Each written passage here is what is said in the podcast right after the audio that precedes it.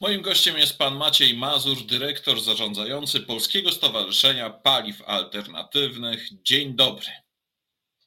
Dzień dobry, witam serdecznie. No cóż, wszyscy czekamy na ten wielki skok, wielki skok, jeżeli chodzi o pojazdy elektryczne, w ogóle ekologiczny transport w Polsce. Kiedy będzie ten wielki skok? Czy w ogóle do niego dojdzie? Wydaje się, że już jesteśmy świadkami tej ogromnej zmiany. Ona się dzieje na naszych oczach, aczkolwiek e, ta zmiana nie stanie się w przeciągu jednego roku faktem. Ona będzie realizowana na przestrzeni kolejnych lat. E, mamy już jednak takie sygnały, które rynek bardzo mocno wysyła, że to już jest ten moment, kiedy my zaczynamy się rozpędzać, jeśli chodzi o transport e, zeroemisyjny. I rok 2021 myślę, że był takim pierwszym rokiem, kiedy my poczuliśmy, że ta liczba pojazdów może być w najbliższej przyszłości rzeczywiście imponująca. Mamy obecnie około 40 tysięcy samochodów elektrycznych, gdy łącznie liczymy BEWy i PHEWy, czyli pojazdy czysto elektryczne i hybrydy ładowane z zewnętrznego źródła, po około 20 tysięcy. I oczywiście, gdy spojrzymy na park samochodów w Polsce, powiemy, że to bardzo mało, ale z drugiej strony, gdy spojrzymy na to, że coraz więcej procent rejestracji samochodów ogółem to są samochody elektryczne, i gdy spojrzymy na średnią europejską, gdzie w zeszłym roku już przekroczono 20% rejestracji samochodów elektrycznych, to nam pokazuje, że w zasadzie kierunek jest jeden. Kierunek to jest elektryczna motoryzacja, motoryzacja, która mam nadzieję, że będzie również zeroemisyjna w całości swojego oddziaływania. No tak, ale z drugiej strony dosyć drastycznie drożeje prąd. Hmm, czy to nie jest tak, że to będzie taki czynnik wstrzymujący rozwój tejże y, zeroemisyjnej y, motoryzacji? Wszystko drożeje. Drożeje prąd, drożeje także ropa naftowa.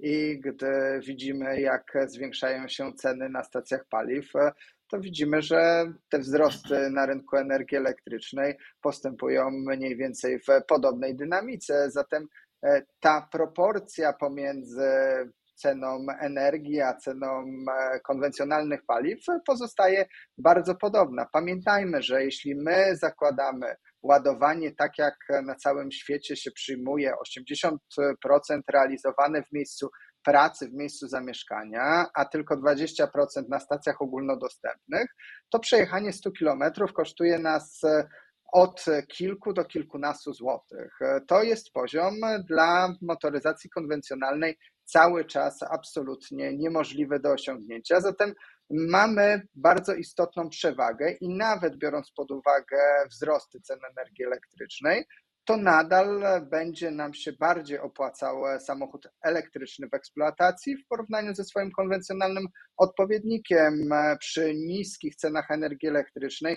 To nawet e, mogło być czterokrotnie niższe koszty użytkowania. Przy cenach wyższych to także może być wielokrotność.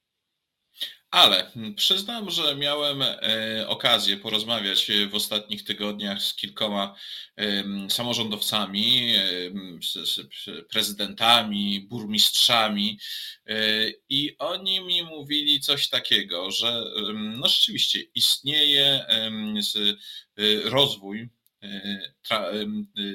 rozwój taboru elektrycznego w miastach, prostu autobusów, autobusów elektrycznych. Natomiast samorządowcy, y, troszeczkę przyciśnięci również innymi kwestiami, chociażby tymi związanymi z polskim y, ładem i redukcją pieniędzy, które trafiają do samorządów, no patrzą na te pojazdy z takim nieco większym dystansem. Dlaczego? Po pierwsze, dlatego, że one są droższe. Po drugie, dlatego, że no, potrzebują też jednak infrastruktury. E, po trzecie, dlatego, że jednak no, w sensie takim operacyjnym są mniej wygodne niż e, pojazdy e, dieslowskie. Natomiast diesle są względnie tanie, względnie te najnowocześniejsze, względnie ekologiczne. No i może tutaj niestety nam się zatrzyma ten rozwój transportu publicznego elektrycznego.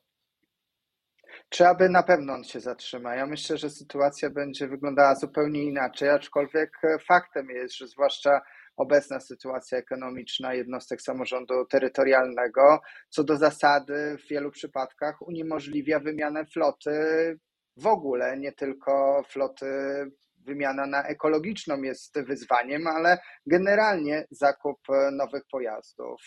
Gdy spojrzymy na ceny samochodów konwencjonalnych, to musimy sobie zadać pytanie, czy one są rzeczywiście tak tanie. Średnio samochód w Polsce nowy kosztuje 140 tysięcy złotych. To już jest ten rząd wielkości, w ramach którego wiele samochodów z napędem elektrycznym jest możliwych do uzyskania. Przypomnijmy, że także funkcjonują dopłaty już od zeszłego roku w wysokości maksymalnie 27 tysięcy złotych. One także pomagają w podjęciu decyzji zakupowej. Do tego dołożymy oczywiście kwestie związane z tańszymi kosztami eksploatacji samochodów elektrycznych.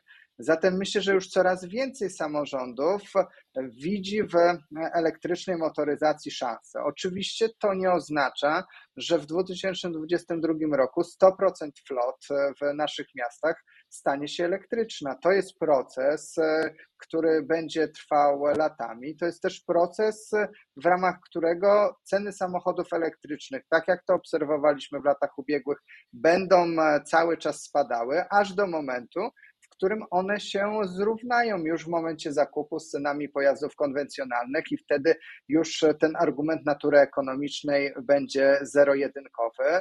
Myślę, że też nie ma wątpliwości odnośnie tych argumentów związanych z ekologią i musimy tylko i wyłącznie poczekać, kiedy będzie ten właściwy moment. Proces elektryfikacji floty następuje etapami. To nie jest zmiana, która może się wydarzyć w przeciągu zaledwie kilku miesięcy. Mamy różne metody finansowania pojazdów, zatem nie jest powiedziane, że samochód elektryczny musi być droższy od konwencjonalnego odpowiednika. My w tej chwili pracujemy nad kilkoma grupami zakupowymi, które swoim potencjałem sprawią, że samochód elektryczny na koniec będzie tańszy od konwencjonalnego odpowiednika. I myślę, że to też jest droga, na której wiele samorządów się znajdzie, bo to jest droga, która pozwala po prostu oszczędzić na wymianie floty na nową i to na dodatek na ekologiczną. To, co natomiast rzeczywiście nas bardzo cieszy, to to, że dynamicznie wzrasta liczba autobusów elektrycznych. W tej chwili już ponad 650 autobusów elektrycznych jeździ po drogach bardzo wielu polskich miast i bardzo dobrze, że stawiamy w pierwszej kolejności na transport publiczny. Powinniśmy generalnie stawiać w pierwszej kolejności na rozwój transportu publicznego właśnie, a jeśli ten transport publiczny jest zeroemisyjny, no to mamy tak naprawdę sytuację idealną. Transport publiczny także rozwija się dzięki temu, że są środki na dopłaty. One były w ubiegłych latach e, związane ze środkami pochodzącymi z Unii Europejskiej. E, teraz są to środki pochodzące z budżetu krajowego, dwa programy Narodowego Funduszu Ochrony Środowiska i Gospodarki Wodnej, które zostały w ubiegłym roku uruchomione i cieszyły się bardzo e, dużym, dużą popularnością. Zatem Widzimy, że ten obszar rozwija się bardzo zdrowo. Mamy ekosystem zarówno producentów, jednostek samorządu terytorialnego zainteresowanych zakupem, mechanizmów wsparcia, takich jak wymienione programy funduszu, ten obszar rynku bardzo dobrze funkcjonuje. Aczkolwiek też pamiętajmy, że wyzwanie jest ogromne 650 autobusów elektrycznych, ale park liczony jest w tysiącach, ponad 12 tysięcy autobusów łącznie. Zatem ta zmiana też nie stanie się tak szybka, jakbyśmy sobie życzyli. Potrzeba nam lat, żeby wymienić wszystkie autobusy na autobusy zeroemisyjne.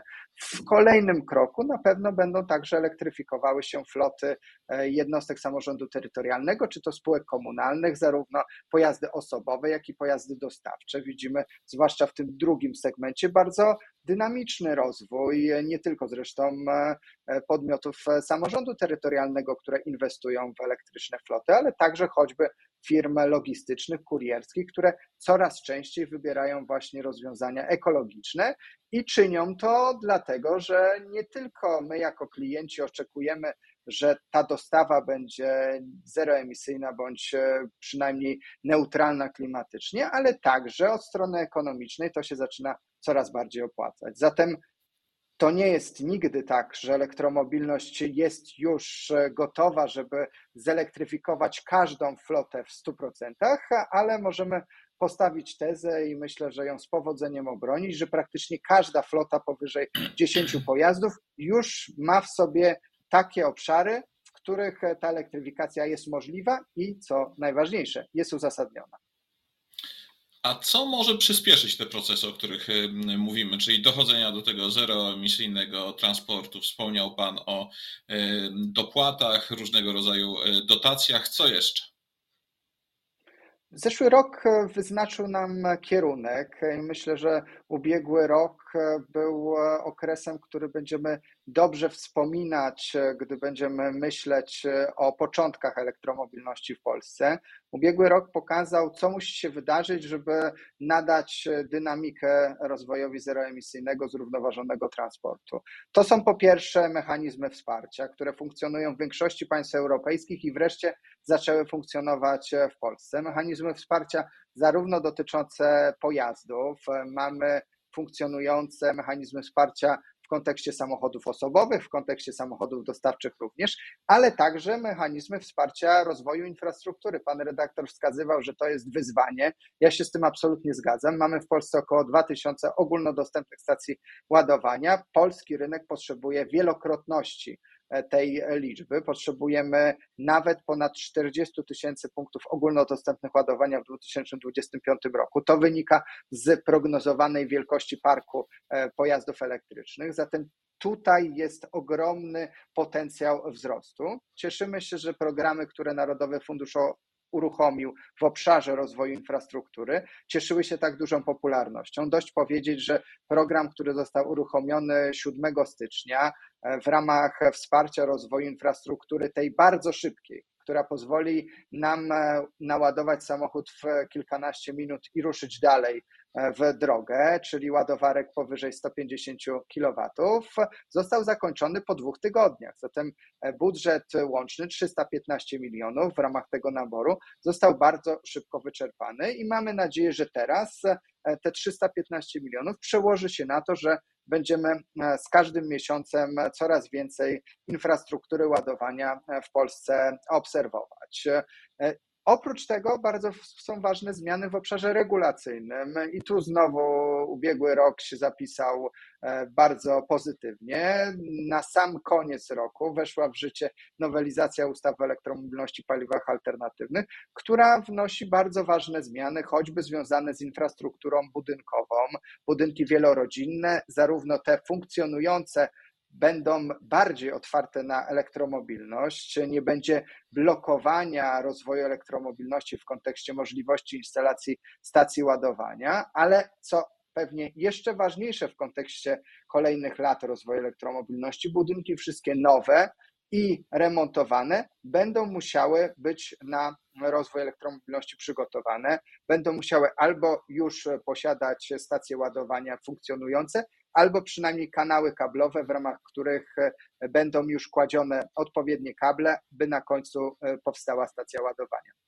Zatem to połączenie wsparcia e, finansowego z wsparciem regulacyjnym daje nam taki bardzo dobry grunt. Ale oczywiście nie byłoby możliwe, żeby odnotowywać wzrosty, gdybyśmy my jako konsumenci nie mieli w czym wybierać. Zatem oferta modelowa także jest bardzo ważna i tutaj mamy znowu kolejne rekordy. Zeszły rok to 190 modeli na polskim rynku samochodów BEV i PHEV, z których my mogliśmy wybierać. Każdy praktycznie segment jest już wypełniony kilkoma propozycjami. Zatem to także pokazuje, że branża jest coraz bardziej otwarta i gotowa na to, żeby nam jako konsumentom proponować e, rozwiązania, które my będziemy chcieli e, kupić bądź użytkować. Oczywiście znów to nie jest tak, że my już e, w 2022 roku jesteśmy gotowi na wszystko. Cały czas zwiększają się zasięgi samochodów elektrycznych, cały czas spadają ceny tychże samochodów, ale na pewno pierwsze kroki zostały bardzo dobre wykonane i myślę, że możemy być absolutnie pewni, że rok 2022 będzie kolejnym rokiem e, rekordowym i każdy kolejny zresztą będzie e, kolejnym rekordem, e, bo ten rynek tak szybko się zmienia. Na koniec jeszcze chciałem zapytać o regulacje. Wspomniał Pan o nich, ale um, proszę mi powiedzieć, jaki Pan widzi scenariusz, jak Pan przewiduje, kiedy w Polsce zostanie wręcz zakazana rejestracja samochodów z silnikami konwencjonalnymi i no cóż, siłą rzeczy będziemy y, musieli rejestrować wyłącznie auta zeroemisyjne, może elektryczne, może już wówczas pojawią się wodorowe. Jaki Pan tutaj przewiduje scenariusz? Ja mam nadzieję, że po pierwsze nie będziemy musieli rejestrować, tylko będziemy chcieli rejestrować samochody zeroemisyjne, bo one będą po prostu lepsze od swoich konwencjonalnych odpowiedników. Kiedy to nastąpi? Podczas e, szczytu e, w Glasgow e, Polska podpisała deklarację, która mówi, że od 2035 roku taki cel sobie stawiamy, by nowe rejestracje były już tylko i wyłącznie zarezerwowane dla pojazdów elektrycznych. Taki sam cel znajduje się w pakiecie Fit for 55 jako propozycja płynąca z Unii Europejskiej i myślę, że to jest scenariusz bardzo możliwy i realny w kontekście samochodów nowych, także dlatego, że większość koncernów motoryzacyjnych jasno deklaruje, że w latach 30. będzie już bardzo trudno kupić samochód konwencjonalny bo on już nie będzie oferowany. Zatem myślę, że ten rok 2035 to jest naturalny moment, w którym my nie będziemy chcieli kupować samochodów konwencjonalnych, będziemy wybierać samochody zeroemisyjne z korzyścią dla naszego portfela i oczywiście dla środowiska. Z drugiej strony musimy także pamiętać, że polski rynek to jest rynek samochodów używanych. My rejestrujemy więcej samochodów używanych niż samochodów nowych, a e, ta deklaracja, która Polska podpisała, jak i zresztą e, projekt e, zawarty Fit for 55 dotyczy samochodów nowych. Więc my, chcąc myśleć realnie o tym, żeby emisje z sektora transportu w Polsce się zmieniały, musimy także zająć się sektorem samochodów używanych i także ten rynek spróbować okiełznać, by nie było sytuacji, że państwa Europy Zachodniej stają się coraz bardziej elektromobilne, coraz większy udział jest pojazdów zeroemisyjnych, a Polska i inne kraje Europy Środkowo-Wschodniej e, stają się takim swoistym wysypiskiem. Zatem my mamy bardzo wiele wyzwań w obszarze transportu i to na pewno będą bardzo interesujące lata, które myślę, że tą branżę zmienią w sposób e, całkowicie taki, w którym nie mogliśmy w ogóle mniemać, że może się zmienić jeszcze 10 lat temu. Fundamentalne, bardzo dobre słowo. Bardzo dziękuję za rozmowę. Moim gościem był pan Maciej Mazur, dyrektor zarządzający Polskiego Stowarzyszenia Paliw Alternatywnych. Jeszcze raz dziękuję. Bardzo dziękuję za zaproszenie. Dziękuję Państwu.